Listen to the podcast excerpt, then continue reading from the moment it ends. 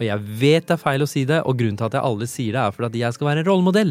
Jeg skal være den sterke, voksne norsk-pakistanske mannen som har fått det til. Og de unge i dag som er i skapet, som lever og har, og som har det vondt og vanskelig, og som sender meg meldinger og snakker om at de vil ta livet sitt. Jeg kan jo ikke si det til dem, det jeg sier nå. Men jeg kjenner jo på den skammen likevel.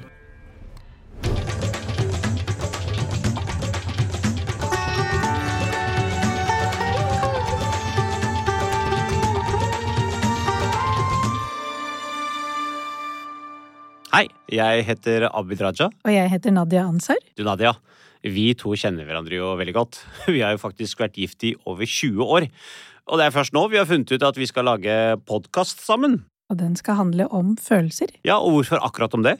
Lurer du faktisk på det, Abid? Nei, du, egentlig ikke. Jeg, jeg drev egentlig bare og tenkte på hvordan vi skulle lage en sånn fin overgang til de som hører på. Eh, Jeg tror folk har fått med seg at vi er jo litt mer enn gjennomsnitt opptatt av å snakke om følelser. Derfor skal vi invitere forskjellige mennesker som vi er nysgjerrige på, til å komme hit og snakke åpent om følelsene sine. Målet er jo sammen bli flinkere til å både gjenkjenne og håndtere både egne og andres følelser. Rett og slett gjøre både Norge og verden til et mer følelsesvennlig sted.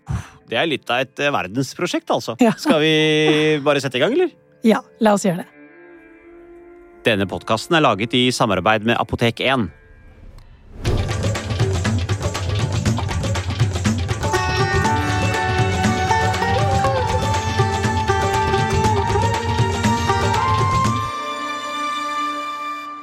Du, vi har gjort noe så utrolig gøy, eh, både jeg og du. Vi har jo digga en indisk artist eh, som heter Bacha. Ja, en rappartist. en rappartist som heter Bacha. Bacha betyr jo da konge, det er jo da hans eh, artistnavn. Ja, Eh, dere, husker, dere hører riktig, Raja betyr også konge. Ja, for så vidt. Men, men altså, eh, den største rappartisten, kanskje til og med den største artisten i det hele tatt, Ja. eh, fra India, eh, synger jo da ikke på engelsk, men synger da på hindi, Ja. eh, som er veldig beslektet muntlig med urdu. Ja. Så i og med at vi har, eh, selv om vi er jo helstøpte norske sånn, altså helstøpt er vi ikke, vi er vel sånn, hva heter det, sånn, vi er jo brune i huden. Ja, eller vi føler oss jo norske, og vi Ja. kan norske språk, og vi har norske venner og norske arbeidsvaner og sånn, ja, no, norske verdier, på en måte. Men så kan vi jo hindi og urdu og Bollywood fullt ut, så vi tenkte åh, Indias største rappartist kommer til Europa for første gang på solokonsert. Vi må jo dit. Ja. Så vi dro til England Ja. og London. Ja. Og, Og det var veldig spesielt, fordi at vi ble jo møtt av en fullsatt Wembley med bare indre, altså britisk-indiske og britisk-pakistanske tilskuere. Og vi kjenner jo ingen av de som er med på den konserten. Men likevel så følte vi en sånn kjempetilhørighet, fordi at vi skjønner den samme humoren, eh, føler en eller annen sånn fellesskap, kan le av de samme spøkene, kan tekstene hans utenat. Så det var en veldig sånn sterk opplevelse av at eh, disse disse skjønner hvordan det er å være oss, da. Ja, ikke sant? Og det bor jo over 3,3 millioner indre pakistanere, eller opphav fra India og Pakistan, Ja. i, i England. Det er jo mm. kjempemange mennesker. Ja. Eh, og, og alle kan, som du sa, eh, sangene til den rappartisten eh, ja. utenat. Men det er bare for å si sånn, altså, det, det, er like vanskelig for oss å rappe på hindi som det er for dere nordmenn å, rappe på norsk eller på engelsk, for det er jo helt umulig, Ja, det er. Det er jo dritvanskelig. Men for et fyrverkeri av en konsert, og samtidig da være der og være sånn Hei, vi er fra Norge. Ja. Vårt egentlig hovedspråk er norsk. Vi er i norske arbeidsplasser. Ja. Og så er vi der, og så er vi eh, Alle vi så der, var jo egentlig av vår hudfarge. Det var jo Mm. Ingen, inder, ingen, ingen pakistanere. Alle var jo hans ikke sant? Så det var jo Og alle sto eh, altså gjennom hele konserten og dansa, fordi det var ikke mulig å sitte. Så det var veldig sterkt, men så tenker jeg det er så rart, fordi at, eh, sånn som du sier, ikke sant? Vi, vi er jo veldig norske Mm. i, når vi altså, omgås eh, stort sett eh, altså veldig mye forskjellig, men blant mine norske venner så, så tror jeg mange hadde fått litt sjokk hvis de hadde sett meg sånn som jeg hoia og dansa på scenen i London. For det er en side som ikke de ser, da, mm, mm. men som også fins. Ja, for det også tenkte jeg, tenkte jeg også på eh, Vi er jo flerspråklige. altså Vi kan jo norsk ikke sant? Også, og hindi og urdu. Og så er det jo mange noen ganger som har sagt at dere er sånn flerkulturelle, og som har tenkt at det er litt sånn negativt. Men i denne sammenhengen her så er det egentlig bare positivt, så du kan jo vandre inn i noe som Og du forstår en annen kultur, et annet språk. Og, Ja. og India, som er jo like svært som et nærmest et kontinent, og det bor 1,3-4 milliarder mennesker der. ikke sant? Og så Ja. legg på pakistanere i nabolandet, Ja, så er så det det er nesten to milliarder. ja, altså, det er, i hvert fall om noen år så er det ikke så langt unna det. Og det så jeg synes det var Det var sånn veldig rørende, og, og kanskje sånn i forhold til det nye Norge også, at eh, vi er jo vi er jo både pinnekjøtt og bunad og, Ja. og alt det, men vi er jo Mhm. nå også veldig mye annet. For det var sånn rart, jeg la ut på Facebook, så skrev jeg jo sånn å, nå har vi vært og hørt på Indias aller største rappartist, Bacha. Og så fikk jeg en kommentar tilbake. Ja, men Abid, det, det, det har du helt feil i. Den største indiske rappartisten, det er jo Chirag.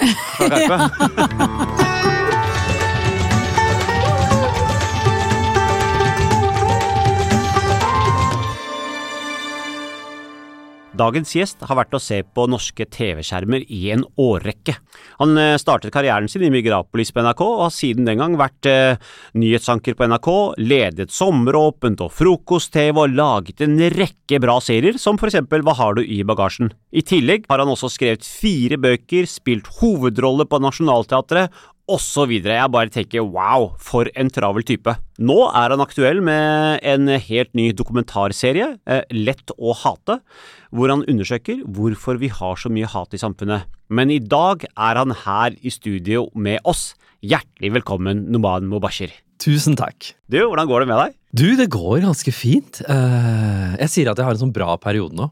Um, har vært tung, syns jeg, deler av året. Men nå, nå er det fint. Sånn, ja, jeg vil si sånn syv av, ut av ti. Det er 70 Ikke så verst, Ja, altså. 70 Det er bra. Ja, det er, det er litt å gå på, for du kan komme deg på 80, og da Ja, det er det som er det målet. nesten veldig, veldig bra. Ja.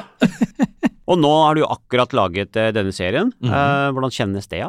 Det kjennes både godt og litt vondt, øh, og så er jeg veldig spent på responsen fra Mm. seerne. Fordi jeg har jo eh, jobbet i NRK i over 25 år og laget mange serier, men jeg har jo stort sett fått andre mennesker til å åpne eh, sine hjerter og liv.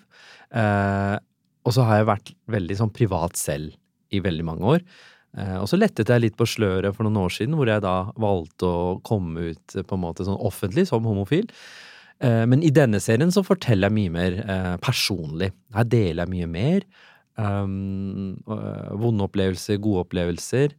Og så er det jo første gang jeg gråter på TV. Det har jeg aldri gjort før. Ja. Og jeg ble litt satt ut da jeg begynte å gråte. Mhm. Da besøkte jeg da uh, barndomshjemmet mitt. Mm. Uh, Sto utenfor. Og da dukket det opp mange, mange minner Fra den tiden, ja. fra den tiden. Og så setter vi oss ned, jeg og regissøren, og så begynner hun å stille meg spørsmål. Og da ser jeg for meg en Noman som 14-15 år som sitter inne på gutterommet sitt Mm. eh, og hører på musikk, eh, og bærer på en hemmelighet som ingen skal få vite om.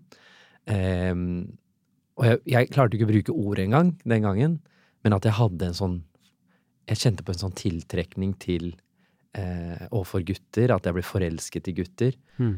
Eh, og den hemmeligheten skulle ingen vite, for det Mm. var Det kunne ikke jeg være. Det var helt unaturlig. For du hadde sikkert fått en del eh, med deg om hva som er forventa av kulturen og Ja, det var jo forventet at jeg skulle gifte meg med en jente og få barn og gjøre familien glad, og det skulle arrangeres en stor fest for meg. Og så vokste jeg opp på en tid eh, da heller ikke homofili var så akseptert i det norske samfunn heller. Det Mm. var en annen tid. Vi snakker om midten av 90-tallet. Ehm, og det var vanlig med homovitser på skolen. Det var veldig få Mm. homofile eh, forbilder eh, på TV. Det var ingen homofile politikere sånn som vi har i dag, eller kjendiser. Så for meg var det sånn mysterium. Hva er, hva er en homofil mann? mm. Jeg visste ikke om noen. Men jeg visste at jeg var annerledes fra veldig mange andre i min klasse eller i moskeen. Og jeg skammet meg, og jeg håpet at det skulle gå over. Mm. Det måtte gå over, for jeg kunne jo ikke være sånn. Det bare er så vondt å høre deg Mm. snakke om det, Noman. Så et eller annet med den serien og måten du går inn i det på nå, da, som gjør at du plutselig Altså, det trigger fram mange gamle minner i deg. Og jeg skjønner så godt at Ja. de tårene presser fram. Ja. Eh, og at du plutselig får kontakt med sårbarheten til den lille ungdommen du var. Så naturlig menneskelig å ha behov, Mm. å ha følelser og ha lyster, og det er egentlig ingenting du kan gjøre med det. Det er bare noe som skjer. Mm. Mm. Det er dine følelser, dine behov, og du er jo Alle Mm. mennesker har grunnleggende rett for å få aksept for den de er. Mm. Og så sitter du der som tenåring og allerede da er så sammenknyttet og redd Mm. for at det som skjer på innsiden din, er noe som du aldri kan dele med noen. Ingen. Mm. Ingen. Det var ingen. Så det høres jo også veldig ensomt ut. Det var veldig ensomt. Jeg følte meg Det er så rart å tenke på, fordi jeg hadde jo venner. Eh, mange gode venner. Det var et veldig fint område å vokse opp i. Eh, jeg Vi er på Strømmen? Strømmen, Eh, Jeg vokste opp i Lørenskog, Mm. eh, rett ved siden av eh, Ahus, Mm. eh, sykehuset. Eh, mamma og pappa prøvde å eh, på en måte tilrettelegge så godt de kunne for at vi skulle ha et bra liv. Mm. Eh, men jeg visste jo at eh, jeg kunne ikke si det til noen, heller ikke til mamma og pappa. Eh, for de var jo livredd for liksom reaksjonen, da. Mm. Eh, og derfor så gikk jeg gjennom hele ungdomsskolen, hele videregående skole, Og holdt det hemmelig. og holdt det hemmelig. Og nesten venta til det skulle gå over, sånn som Jeg du sier. håpet det skulle gå over. Og det som Og ja, kanskje at mest homofilien skulle gå over. Ja. at, at jeg på en måte Og jeg brukte ikke ordet engang. Ikke sant? Eh, bare at det skulle gå over. Mm. Og jeg husker at jeg ba så mye om at kjære Gud, kan jeg bli kvitt de følelsene, de skitne tankene? For jeg tenkte at det var noe skittent. Kan vi stoppe Ja. litt opp her, for det der er Det er smertefullt, altså. Det er Mm. virkelig, virkelig. Forteller litt om den prisen du som enkeltperson har måttet betale. Fordi det er Mm. akkurat som om det er noe grunnleggende galt på innsiden som du bare forsøker å bli Mm. kvitt. Mm. Mm. Fordi du vet på en eller annen måte at det som skjer her inne, Mm. det er ikke forventa av meg. Mm. Jeg har som jobb jeg, å tilfredsstille mamma og pappas behov. Altså det blir min Mm. forståelse eller tolkning av det. og religion. Og jeg skal Gud og- produsere ikke barn, jeg skal Mm. ha en kone. Det er det mamma og pappa har ofra hele livet sitt for. Mm. Jeg bare ser for meg, eller forestiller meg, Mm. hvordan det må ha vært, da. Ja. Og så er det jo én hendelse jeg aldri har delt da, med noen. Mm. Det er det at eh, Jeg husker ikke hvor gammel jeg var. Mm. Jeg, jeg er i hvert fall går på videregående. Kanskje er ferdig med videregående også. Jeg husker ikke helt. Men jeg våkner midt på natta av et mareritt. Um, og så klarer jeg ikke å puste. Og jeg klarer ikke å puste, og jeg tror jeg skal dø. Og så bare prøver jeg liksom bare Hvordan skal jeg klare å puste? Hvordan skal jeg klare å puste? Og Så jeg, klarer jeg ikke engang å rope til noen. Um, og så husker jeg at jeg hadde rommet oppe, og alle sov jo oppe. Så løp jeg ned i kjelleretasjen hvor vi hadde en stue. Så løp jeg inn på toalettet, og så kasta jeg masse vann i ansiktet. Og det første jeg gjør, er å rulle ut bønneteppet, og så begynner jeg å be. Mm. Fordi jeg skjønner da at dette har noe med de, alle de følelsene og tankene jeg sitter inne med, som jeg ikke klarer å gjøre noe med, Mm. og som jeg undertrykker, undertrykker, Mm. undertrykker og skjuler. Mm. Og så gir det utslag i de symptomene som Det pustebesvær. Ja. Sant? At det er, liksom, det er et eller annet Jeg Mm. har en sykdom inni meg som jeg må bli kvitt ved å be. Mm. Til Og jeg ber og jeg ber hele den natta.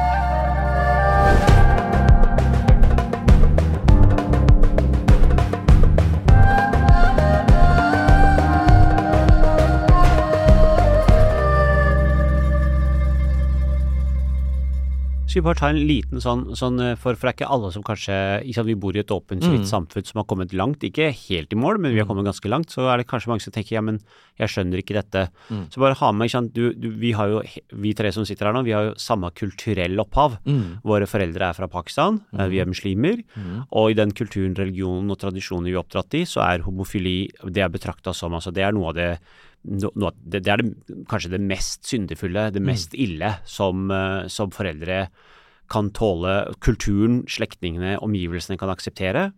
Og man blir fortalt fra barn av at det er noe som er skittent og dårlig. Så når du vokser opp og har både kulturen og religionen innabords, Mm. så har jo det gjort noe med deg, på, og synet på hva som er en akseptabel framtid for deg sjøl. Ja. Og så skjønner du gjennom den TV-serien, når du er nå så tilbake til barndomsminnet, da, Mm. At du treffer da han 14 år gamle Noman, Mm. så, så forstår du at allerede da så skjønte jeg at jeg var homofil, Mm. men jeg kunne ikke få lov til å være det, egentlig av noen rundt, og heller ikke av meg sjøl. Mm. Og dermed så oppstår uh, denne slitasjen på innsiden. Stemmer, det er veldig riktig sagt. Mm. Og det er jo det som skjedde. At under eh, innspillingen så møter jeg Noman 14 år, Noman 16 år, Noman 18 år, Noman 20 år, Mm. Noman 25 år, gang på gang på gang på gang. Og det eh, går jo veldig innpå meg da, eh, under opptakene, og jeg blir veldig sliten. Og hver gang jeg var ferdig med opptak, så var det sånn at jeg var sliten hele kvelden, og jeg var lei Mm. meg. Mm. Um, og jeg tror at det har vært bra å snakke om alle disse tingene. Å rippe opp i gamle sår. Rydde litt opp i topplokket, som det heter. Men så har det også vært veldig krevende. Mm. Og jeg kjenner jo nå at det er veldig krevende å snakke om det. Og jeg sitter her med klump i halsen, ikke Ja, sant? Fordi... fordi- at nummer én, det er vanskelig å snakke om barndommen og tenårene og det jeg gikk gjennom, men også det at jeg sitter sammen med to Mm. som jeg ser på som venner, Mm. og som forstår meg. Mm. Ikke sant? For dere vet hvordan den Mm. der, vår pakistanske kultur er skrudd sammen. Det betyr ikke Mm. at den pakistanske kulturen er den eneste som Nei, fordømmer homofili. absolutt. Mange kulturer gjør det, Mm. og den norske har også gjort det før. Ja. Men det er bare det at eh, dere forstår det likevel bedre, da. Mm. Og det forholdet vi har til religion og til eh, Gud. Fordi det har vi fått inn gjennom morsmelka. Og det er på en måte sånn fasiten til alt, det. Mm. At hvis du har et problem med livet, gå til Gud og be. Mm. Så går det over. Og så er det litt sånn at jeg kan også kjenne over. meg Nei, igjen i noe av det du sier med å på en måte ha skuffet foreldrenes forventninger òg, ikke sant. For jeg kan kjenne igjen det med å være jente og snakket veldig åpen om en sånn følelse av å være mindre verdt, eller at jeg må kvele mine emosjonelle uttrykk for å gi plass til de voksnes. Og så hører jeg litt det samme, at vi har forskjellig utgangspunkt, men kanskje du Mm. altså Jeg vet ikke om du kjenner igjen en sånn opplevelse av at jeg har skuffet deres forventninger, jeg kan ikke gi de det. Ja, altså, jeg er jo pappa i dag. Mm. Og på en måte så skjønner jeg mine foreldre bedre i dag, hvordan de har tenkt. Mm. For de også er jo produkt av sin kultur Mm. og sine tradisjoner som de fikk med seg i bagasjen fra Pakistan. Mm.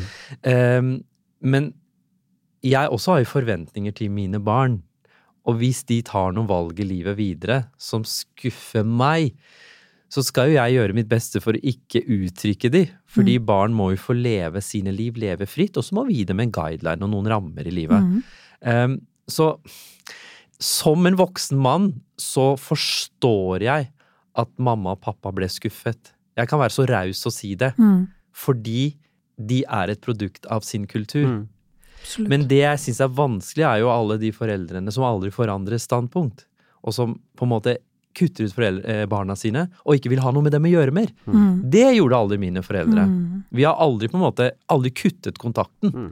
Eh, og ja, de ble kjempeskuffet. Og jeg tror ikke de forsto det engang, fordi de aldri hadde tenkt at deres sønn en dag skulle fortelle at han er homofil. Mm. Eh, det Men kom som jeg, sjokk. jeg husker eh, når du kom ut av skapet, Noman. Mhm. Altså, da hadde jo det vært en del rykter i det pakistanske miljøet lenge. Ja. Eh, og når du kom ut, det var, det var som Altså det var både som, for mange av oss, både befriende, Mm. altså herlig at den personen som faktisk tør å si det, og for andre så var det jo en dyp skuffelse og sorg og, ikke sant, altså eh, og, og det ble jo en Du har jo vært en snakkis Mm. i mange, mange år. Eh, for noen på en positiv måte, Mm. for en flott rollemodell, men også for de som eh, ka, ka, Hvis jeg sier akkurat sånn som det er, da, som Mm. skammer seg litt over, da, ikke sant, og tenker sånn, hvorfor måtte han? Ja.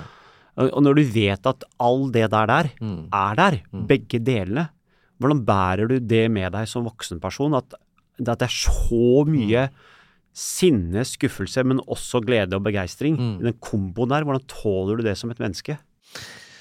Hva skal jeg si? Altså Jeg har en veldig god venninne som også er venninne av dere, eh, og hun sa til meg en gang at Noman, tenk om du kunne tatt vekk én del av din identitet. Ikke sant? Om du hadde tatt vekk det å være muslim, tatt vekk det å være mørk og være Mm. pakistaner, eller det at du er homofil, da hadde livet ditt blitt mye lettere. Men så svarte jeg det er sant, men jeg kan ikke gjøre noe med det. Mm. Det er sånn jeg er. De tre identitetene er en del av meg. Um, og jeg kom veldig tidlig på TV. Allerede som 23-åring så var jeg på NRK, og den gangen så var NRK svært. Alle sant, visste hva NRK var, alle så på NRK. Eh, og attpåtil, når du da har pakistansk bakgrunn, eh, så ble du lagt, eh, ble du lagt merke til på den, på, på den tiden. Så det var jo veldig mye snakk om meg, det vet jeg, blant folk. Eh, unge norskpakistanere voksne, og veldig mange var veldig stolte og syntes det var stas at en av dem hadde kommet på TV Mm. og leda nyhetene. Eh, så jeg fikk jo veldig mye hyggelige tilbakemeldinger. Men det er jo på samme tidspunktet jeg endelig tør å åpne skapet litt. Ikke sant? Dytte litt i det, begynner å tørre å gå ut. Jeg begynner å tørre å gå på date. Jeg begynner å gå Jeg går ut på eh, et sånn skeivt utested. Jeg var ung, jeg ville oppleve ting. Jeg var ute og danset hver lørdag. Ble kjent med masse andre gutter i samme situasjon. Og jeg elsket det. Endelig fikk jeg homofile venner. Endelig kunne jeg være litt meg selv. Men samtidig så levde jeg det derre hemmelige livet utad, ikke sant. Jeg ville ikke at noen skulle vite på jobben, jeg ville ikke at media skulle grafse i det. De hadde også begynt å høre rykter. Og så begynte også andre norskpakistanere å fortelle meg at det snakkes mye om deg. Det går masse rykter om deg, eh, om at du er homofil. Noen mener at du er det, noen mener at du ikke er det. Og det er mange som snakker negativt om deg, og så snakker de positivt om deg. Og jeg kjente at det ble veldig sånn tungt å bære hele tida med deg. Fordi jeg var der ute på TV, og så hadde jeg et privatliv som jeg ønsket å beskytte, men som var veldig vanskelig å beskytte fordi alle snakket om det. Um, og kanskje det vondeste jeg opplevde, var jo det at folk kunne for eksempel kjøre forbi meg mens jeg var, gikk på gata, og så ropte de De dro ned vinduet, og så skrev, ropte de 'jævla homse'. Eh, eller 'garndo', som det heter, Mm. på, sånn stygt på pakistansk. Eh, jeg husker fortsatt en hendelse hvor da jeg bodde på Bjølsen, så gikk jeg forbi Bjølsen skole, hvor du har gått, Abid. Mm. Så satt det to eh, unge gutter med pakistanske foreldre. Og så liksom, når jeg hadde gått litt forbi, så hører jeg dem roper 'Garndo! Garndo!' tre-fire ganger. Mm. Og jeg turte ikke å snu meg og si noen ting til dem. ikke sant? Og så bare skammer du enda mer, og så ser du enda mer ned i bakken, og så bare går du fort. Eller at jeg eh, etter hvert ikke turte å gå på Bollywood-filmer på Soria Moria fordi folk stirra. Mm. Og de stirra kanskje fordi at de syntes det var stas at jeg var der. fordi du var han er-. Ja, kanskje var det. Men jeg trodde at det selvfølgelig handla om noe helt annet. Mm. Eh, og jeg husker jeg fikk noen veldig gode pakistanske venner på den tida òg. Og han ene pleide, vi pleide å gå sammen, og han syntes det var litt stas tror jeg, å være, liksom, henge med meg. Eh, og så en gang så skulle jeg hviske noe til han i øret hans, og så sier han 'ikke kom så nært meg', 'ikke kom så nært meg'. Da tror alle at jeg er homse også. Oi. Og jeg husker jeg bare sånn Etter han døde inni meg da han sa det. Så bare kjenn etter, for det, det er liksom viktig for den følelsen du Mm. kjenner på nå. Mm. Altså for meg, jeg kan kjenne den rent fysisk, for det er en sånn kombinasjon av liksom Det er noe med liksom å selv være ungdom, Mm, og ikke engang vite hvem er jeg. mm, Forsøke å utforske identiteten din, være så sårbar, redd for å skuffe, nesten så du på en måte kjemper én krig på Mm. innsiden som handler om å bli kvitt mm, det du er født Mm. med, på en måte. Yeah. Eh, og samtidig som du får kommentarer der ute som du må håndtere og takle. Mm. Så for meg, da, jeg blir bare så mer sånn obs på den derre Altså, det er så mange lag med skam her. Mm. Nesten så det er dobbel, trippel skam. Sånn, Mm. Knytta til en er at du ser annerledes ut eh, fordi du er mørk. Eh, og så sier vi pakistaner, og så sier du det med at jeg er muslim. Jeg skiller meg ut religiøst sett også. Og det tredje er fordi jeg, har, eh, jeg er homofil. Sant? Så det er jo Altså, det høres bare så voldsomt ut, og jeg tenker jo sånn på Mm. Sånn som jeg kjenner deg, hvor utrolig god du har vært på å liksom prestere og ta plass og Mm. vise at Og nesten nærmest, så jeg tenker er det en overkompensering. At jeg må virkelig vise at jeg er god nok. Mm, Og så blir det enda et lag for deg. mm. Nesten så jeg må være dobbelt så god, også fordi at jeg må ta en for laget for de homofile, hvis du skjønner. Jeg skjønner det veldig godt, og det er jo noe som jeg kanskje ikke har tenkt så mye på, da, men da jeg begynte i nyhetene, eh, så var jeg veldig opptatt av å snakke korrekt norsk. Jeg skulle ha den beste norsken som fantes på, i Norge. Eh, og jeg fikk jo veldig god respons på det, da. Og grunnen til at jeg gjorde det, var jo fordi, for å vise at hallo, vi er like flinke som alle andre journalister og Mhm. programledere med Mm. Mm. norsk bakgrunn. Ja. Um, og da jeg dro på fest, så kunne faktisk folk finne på å spørre, når de hadde drukket litt, hvordan fikk du den jobben? Ble du kvotert? Ja. Og jeg husker jeg ble så, så lei meg. Ja. Uh, så jeg måtte hele tiden liksom kompensere og jobbe Mm. og for å Mm. vise at se her, jeg er like flink som dere alle andre. Mm. Og så visste jeg jo at mange med pakistansk bakgrunn var veldig stolte av meg, men samtidig så var det den derre homse, homse, han er Mm. homo, æsj. Um, og så begynte jeg å Så Skal jeg være veldig ærlig med dere. Jeg lagde Pakistan-serien rett og slett for å kompensere.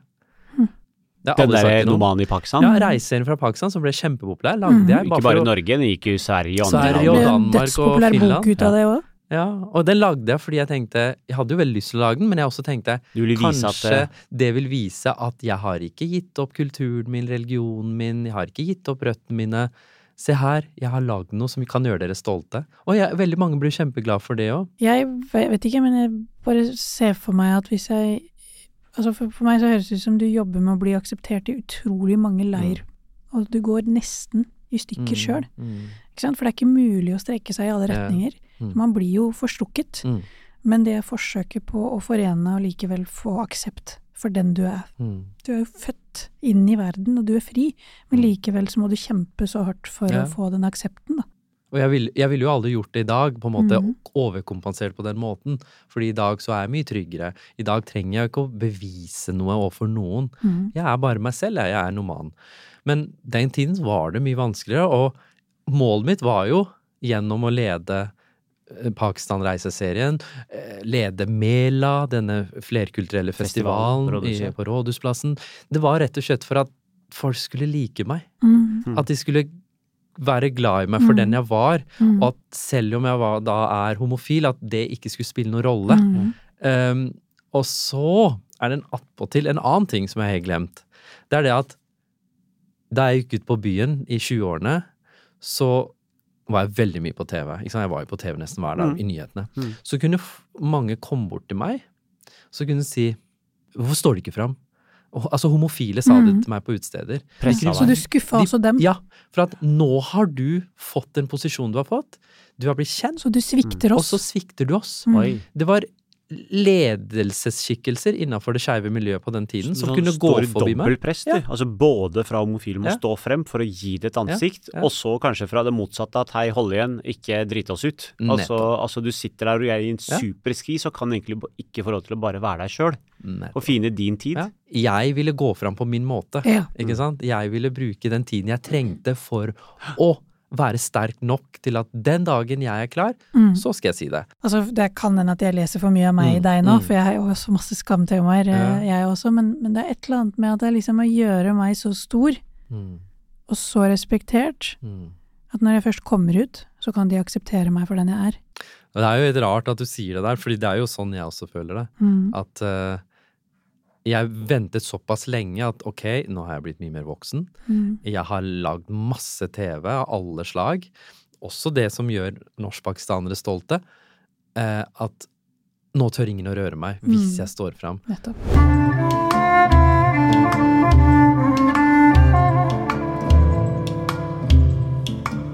Du Nadia, vi har jo en sponsor i podkasten, Og ikke en hvilken som helst sponsor. Vi har nemlig fått med oss Apotek 1 på laget. Og det er vi skikkelig stolte av. Det er jo en eh, helt perfekt samarbeidspartner for oss. Ja, de er opptatt av veldig mange av de samme tingene som oss, som eksempel åpenhet og det å ufarliggjøre det som er flaut eller tabubelagt. Kort og godt å vise omsorg. Og at fysisk og psykisk helse, det henger jo sammen. Nettopp, og det er jo akkurat det vi jobber for i i denne podkasten også. Det er godt for helsa å snakke åpent om følelser. Og nettopp derfor er denne podkasten laget i samarbeid med Apotek 1.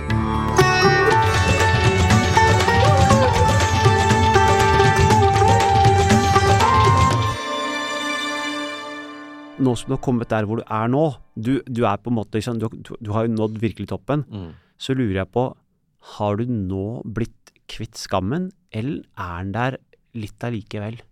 Den dukker opp innimellom. Og den dukker opp eh, når du minst aner det. For du tror du har kontroll, du tror du er sterk, du bryr deg ikke om hva andre mener, tenker, du har tatt din reise, du har trygghet i deg, og så dukker den opp. Hmm. Og det irriterer meg utrolig mye at, at jeg i ulike settinger, for eksempel en setting jeg skammer meg, eller føler på mm. den derre at jeg skuffa foreldrene mine eller familien min, det er når storfamilien er samla til id. Mm. Og når jeg da sitter der, og mine fettere og kusiner som er 10-15-18 år yngre enn meg, sitter der med to og tre barn, og jeg sitter der aleine, så kjenner jeg på skammen. Mm. At Jeg hvorfor kunne ikke jeg også ha det livet? Mm. Og jeg vet det er feil å si det, og grunnen til at jeg aldri sier det, er for at jeg skal være en rollemodell. Mm. Jeg skal være den sterke, voksne norsk-pakistanske mannen som har fått det til. Og de unge i dag som er i skapet, som lever og har, og som har det vondt og vanskelig, og som sender meg meldinger og snakker om at de vil ta livet sitt. Jeg kan jo ikke si det til dem, det jeg sier nå. Mm. Men jeg kjenner jo på kan, den skammen likevel. Kan du allikevel også, også på den skammen kjenne skammen over at du faktisk Ja, sitter og skammer ja, deg? Veldig bra sagt. Mm. Jeg skammer meg over at jeg skammer meg. Mm.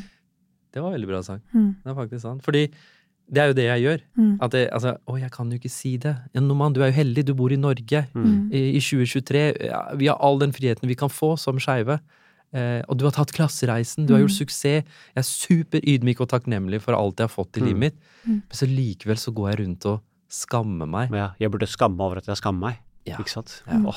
Og den der skammen, altså, det er Den har jo forskjellige navn i forskjellige kulturer, Mm. men det handler jo om det samme. Det er litt sånn som du sier, ikke sant? at du har jo hatt en holdning, eh, og det er jo mange, eller vi kan i hvert fall kjenne oss igjen, jeg tror Abid også kjenner seg igjen i dette med at når vi blir en person eller en rollemodell for så mange, Mm. så er det både en gave Mm. og en berikelse, og samtidig en utrolig eh, vanskelig oppgave. Mm. Fordi at det å på en måte være en representant for mange, det betyr at du får veldig rom for å dele noe, Mm. men så får du ikke rom for å dele andre ting, ikke sant? Mm. Og så kan man jo dytte det ned, man kan feie det under teppet, man kan forsøke å unngå, man kan gå for den lyse siden, man skal være takknemlig, jeg skal prøve å Mm. møte all, all hat med kjærlighet.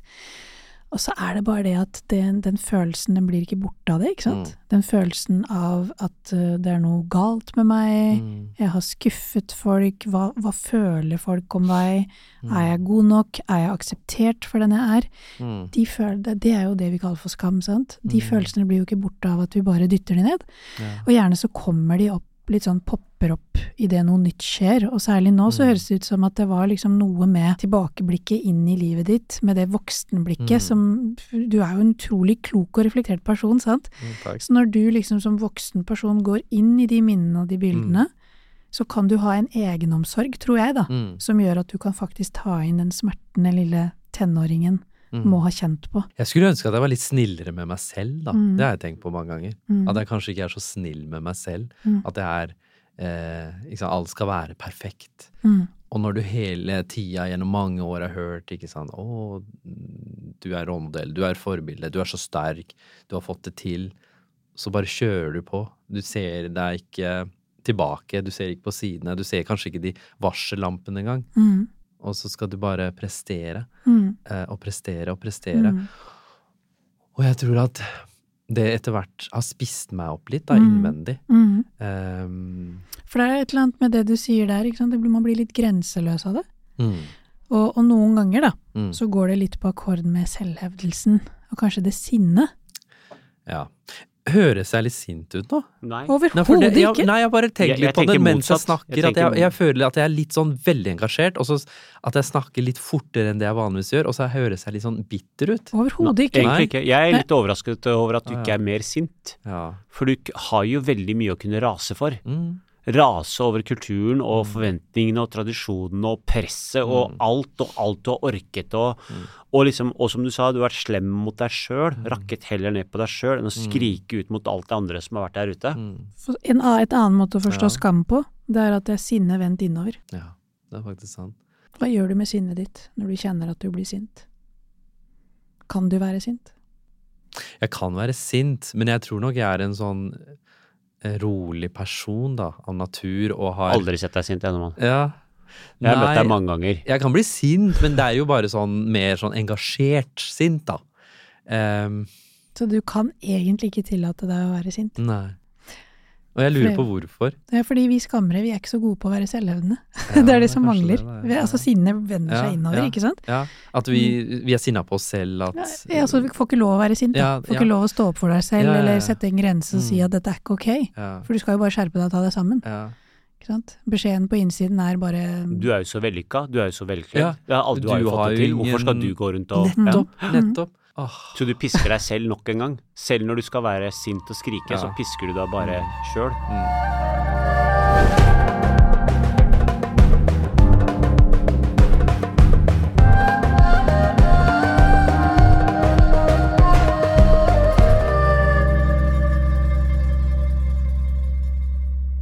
Vi snakket faktisk eh, bare for noen minutter siden om sinne, Mm. og, og jeg kjente litt på sinne nå på den serien din, kom jo på nett eh, nå i romjula, Mm. eh, og der blir jo du eh, rett og slett altså fortalt på et vis at, eh, at eh, du, den største prøvelsen som er overfor deg som homofil, er at du kan gjerne være homofil, men du skal bare ikke gjøre noe med det. Du skal bare tol Altså, Mm. det er en prøvelse fra Gud. Mm. Da kunne jeg kjenne at man ble forbanna. Hva, hva, hva kjente du på? Ja. Altså, jeg har jo alltid unngått å ha samtaler, diskusjoner med religiøse, konservative muslimer om homofili, Mm. fordi jeg tror jeg rett og slett er litt redd for, eller har alltid vært litt redd for, hva jeg får høre. mm. Ikke sant? Eh, For jeg har liksom utvikla en teknikk for hvordan jeg skal klare meg, overleve Ja. hverdagen Mm. Ikke sant? Jeg polstrer meg inn på et eller annet vis Ja. eh, for å overleve livet, da, kan Mm. du si. Um, og jeg møter da en, eh, en, en muslim som sier at jeg er en vanlig religiøs muslim. Jeg er ikke noe konservativ. Mm. Uh, hyggelig mann. Uh, han håndhilser meg, smiler fint, vi har, begynner å snakke sammen. Og etter hvert i samtalen så blir det litt sånn med temperatur, og jeg kjenner at jeg blir provosert. Og så til slutt så ender han da opp med å si at uh, dette er din største test i livet. Fordi ja, det er mulig å kjenne på slike følelser, at du føler at du er homofil, men du skal ikke leve ut den kjærligheten. Og det er liksom den største testen du får fra Gud. Det kjente jeg var veldig, veldig sterkt og vondt å høre, fordi at jeg i veldig mange år hadde kjent på en ro, at jeg er den jeg er, jeg er stolt av å være den jeg er, og så sitter det en fremmed mann som jeg selv hadde lyst til å møte, og jeg ba han om å være ærlig, og så sier han at mm, det er liksom den store prøven da fra Hva hva kjenner du inni deg nå? Mm. Det er helt ok. Altså, jeg, jeg kjenner at jeg har lyst til å hylgrine. mm, Det gjør så Og det er liksom sånn det er liksom, så, Og så tenkte jeg, hvorfor gidder jeg å utsette meg for det her? Mm. Altså, Er det jeg- rart at du har unngått Ja, men det jeg hele skulle jo det da i serien. Sant. Ta de vanskelige samtalene. Mm. Og så er det jo kanskje det du har Og så, vært redd og så er det det du har liksom flykta fra da, hele Mm. veien. livet. At de kommer aldri til å akseptere meg for den jeg er. Selv om han var hyggelig og Mm. håndhilste meg og alt det der. Og, Mm. og så får du liksom den i fleisen. Mm. Så utrolig vondt og så grunnleggende urettferdig. At noen på en måte kan eh, ta den makten til Mm. å definere hva du har lov til, og få der ute hva du ikke har lov til å få. verdien, menneskeverdien, Du gjør det, egentlig da. fra deg. Menneskeverdet, ikke sant. Mm. Du er liksom ikke like mye verdt, du, som Mm. oss. Mm. Fordi Gud skapte deg sånn. Mm. Ja. Mm. Jeg kan ikke noe for at jeg ble skapt sånn. Jeg Mm. kan ikke noe for hvem jeg elsker. Mm. Jeg er den jeg er, og Men jeg er noen, jeg si stolt det av den jeg er. jeg tenker, det er heldigvis ble du skapt Ja. sånn. Ja, og heldigvis. heldigvis Ja. er, bor du i et land hvor du kan få Mm. lov til å være akkurat Mm. den du er. Mm. Og det, det er jo de som sier de tingene som sier det til deg, som skal skamme seg. Mm. Men det gjør de jo ikke. Det, også istedenfor at du skal bli sint. Og egentlig, vi blir jo Jeg ble sint når jeg så det. Mm. Og det tror jeg mange andre som også kommer til å bli Mm. rasende forbanna. Så er som Nadia sier, dere to Jeg eier jo ikke så mye skam som dere to. Så dere, dere som skammer, har større skam, da, tar gjerne det sinnet innover. Mm. Så du begynner jo heller Man begynner heller å rakke ned på seg sjøl Mm. enn å rakke ned på de andre som kommer med de meningene. Mm. Men det er allikevel ekstremt eh, modig av deg å gå foran og lage den serien, eksponerer deg, virkelig plasserer deg i den kryssilden, og du bringer oss inn på noen som mange tenker at dette finnes ikke lenger blant oss, Mm. men vi ser allikevel at det er mange som syns at det er lett å hate, og mange lar det hatet bare blomstre. Det er sant. Det er eh, Jeg blottlegger meg veldig, da, Mm. i serien. Jeg gjør det.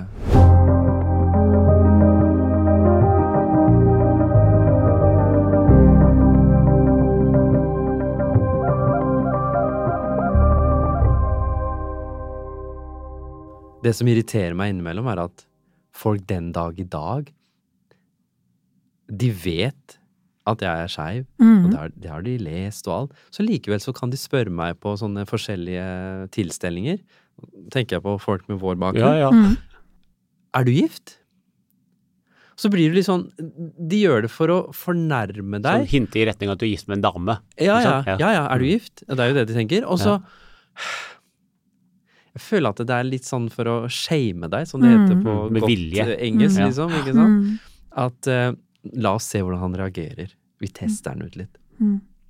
Og Så- det er så Og det skjer hvis du drar altså. på et pakistansk bryllup eller For eksempel, og så kan de spørre så, deg. så vet du at mange ser på Ja. deg og tenker at eh, Ja. og der kommer han. Mm. Mm. Og Der kom, kommer han homsen, på en måte. Ja, Mm. jeg Det er sjelden jeg drar på sånne festiviteter, da, pakistanske festiviteter, men jeg gjør jo det innimellom. Og jeg syns det er veldig koselig òg. Det er jo liksom røttene våre og det vi har vokst opp med. Masse folk som treffes, og det er god mat, og det er fest, og det er dans og musikk. Um, men det er ikke så lenge siden jeg var på en fest, og der, eh, der grua jeg meg litt for å dra. Og så holdt jeg på å ikke dra.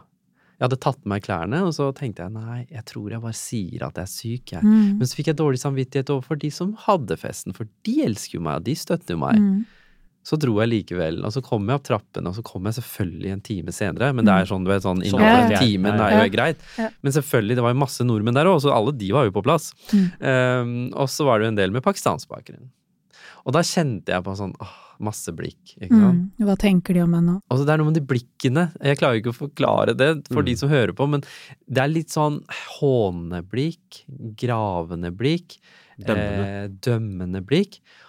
Og så, igjen det du sier da, Nadia, istedenfor å da tenke, eller bli litt sånn sint og tenke Mm. hvorfor ser dere sånn på meg? Mm. Kan det ikke bare være litt hyggelig når dere ser Ja, på meg? ja. Så tenker jeg inni meg, jeg burde ikke ha vært der. Mm. Eh, jeg De ser sikkert på meg fordi at det er noe galt med meg. Fordi vi vet at skam og avsky ofte er veldig sånn tett knytta til det. Og jeg har Mm. bet meg veldig merke til det du sa med at jeg er ekkel. Mm. For Mm. Jeg bare lurer liksom på, for det er jo noe med som, som er særlig skamfullt å prate om, er at noen kan også føle seg ekkel Mm. Av sin seksuelle legning. Mm. Så jeg vet ikke, kan du også kjenne på det? At det er liksom sånn Første gang jeg hørte noen snakke om homofili, da jeg var 10-11 år, så husker jeg at vedkommende sa homofile, de er som dyr. Mm. Og det var det første møtet jeg hadde Mm. eh, med på en måte meg mm, og min identitet, selv om jeg var veldig liten. mm, Og hadde begynt å forstå at jeg var ikke som alle de andre guttene i klassen, Mm. eller i moskeen. mm. Og det har Det har jeg tatt med hele veien. Så Altså, det blir en slags sånn følelse av homofile er dyr, Dyr. Mm, og homofile er ekle. mm, Og det er unaturlig å være homofil. mm, Det var liksom de tre ordene jeg husker fra Mm. skolen og fra folk rundt meg. Og så er du det selv. og så Mm. er jeg det selv. Og da bar jeg på liksom disse ekle, negative ordene i Mm. bagasjen min, mm, eh, og det var liksom denne skammen, da, mm. som jeg da prøvde å Og selvforakt, ikke Ja, minst. ikke selvforakt. Mm. Em, At jeg er ekkel. en, av, en av grunnene til at jeg faktisk valgte å stå fram i sånn offentligheten i 2016, var jo det at jeg kjente at jeg orka ikke gå rundt og skjule meg selv. Mm, Eh, undertrykke meg selv. mm, Eh, jeg kan gi dere eksempel. Eh, jeg blir jo invitert på premiere, sånn som dere gjør. Og på den tiden hadde jeg en kjæreste, samboer. Og jeg har to bonusbarn. Så sa jeg til han du kan ikke gå sammen med meg på rød løper. Og han visste jo det, at jeg Mm. ikke kunne være offentlig og fortelle om han til, i media. Mm, mm. Så det han alltid måtte gjøre, var at han måtte gå til side. Oi. Så gikk jeg på rød løper. De tok bilde av meg, Se og Hør, VG, Dagbladet, alle sammen. Smilte. Og så gikk jeg gjennom, og så møtte jeg ham på andre siden. Etter hvert så kjente han på et sinne. mm, Fordi han følte at han ikke var verdt noen ting. mm, At jeg skammet meg over han. nettopp. Og det gjorde jeg ikke. Mm. Men jeg turte ikke å ta det steget. Mm, Og stå sammen med han Mm. og si 'her er kjæresten min', i, Mm. det, jeg er kjempeglad i han, mm, øh, og vi er et par, og vi elsker hverandre. mm. Jeg turte ikke det. Angrer du litt på det?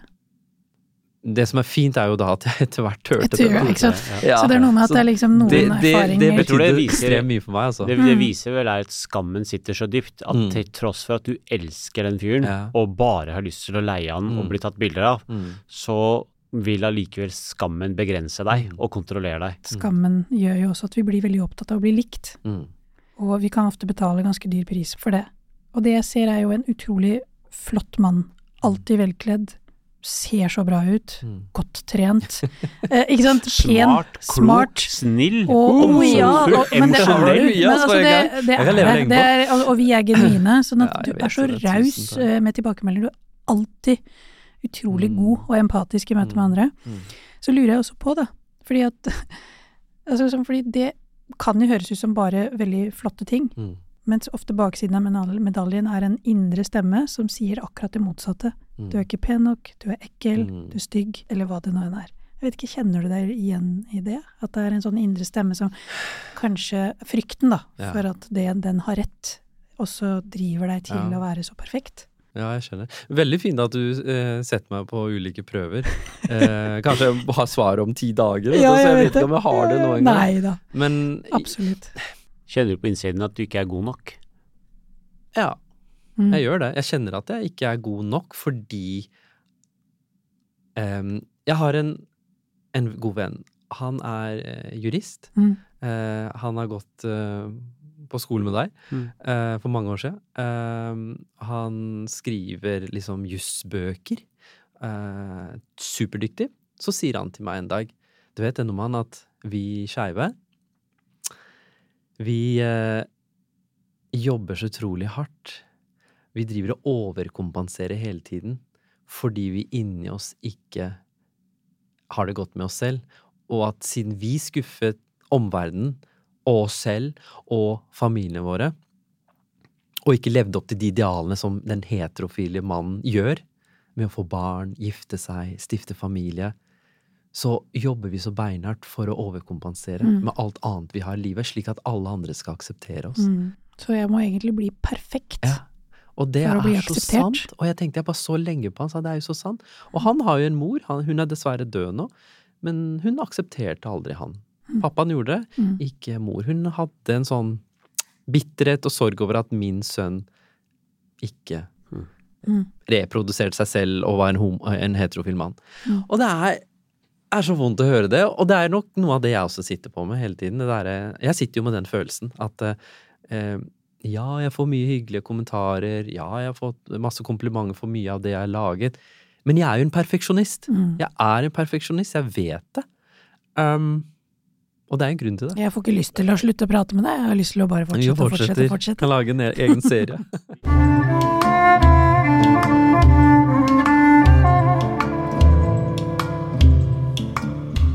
Nå går vi helt mot slutten, Oman, men eh, vi har et fast punkt, og det er at du trekker et spørsmål, og så leser du hva som står på det, og så må Ja. du si det første som faller deg inn. Så vær så god, trekk et, eh, trekk Oi. et kort. Nå er jeg litt spent her. Håper det ikke er noe vanskelige greier, da. Skal vi se. Når juksa du sist? Åh Når juksa jeg sist?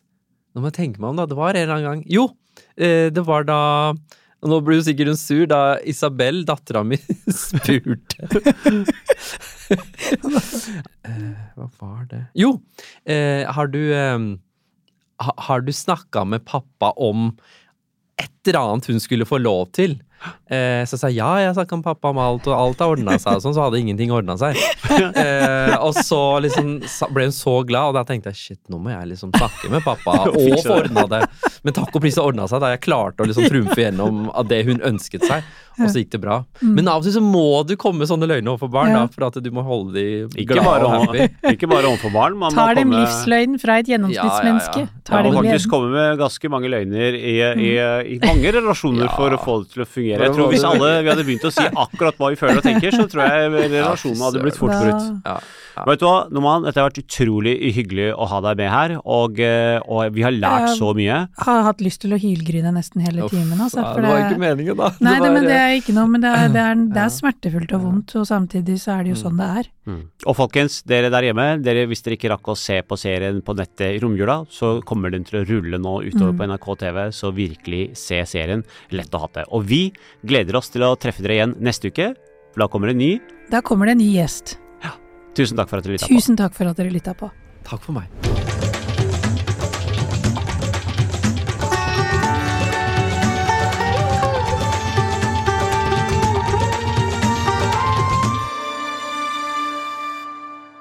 Apotek 1 vår kunnskap, din trygghet. Plan B.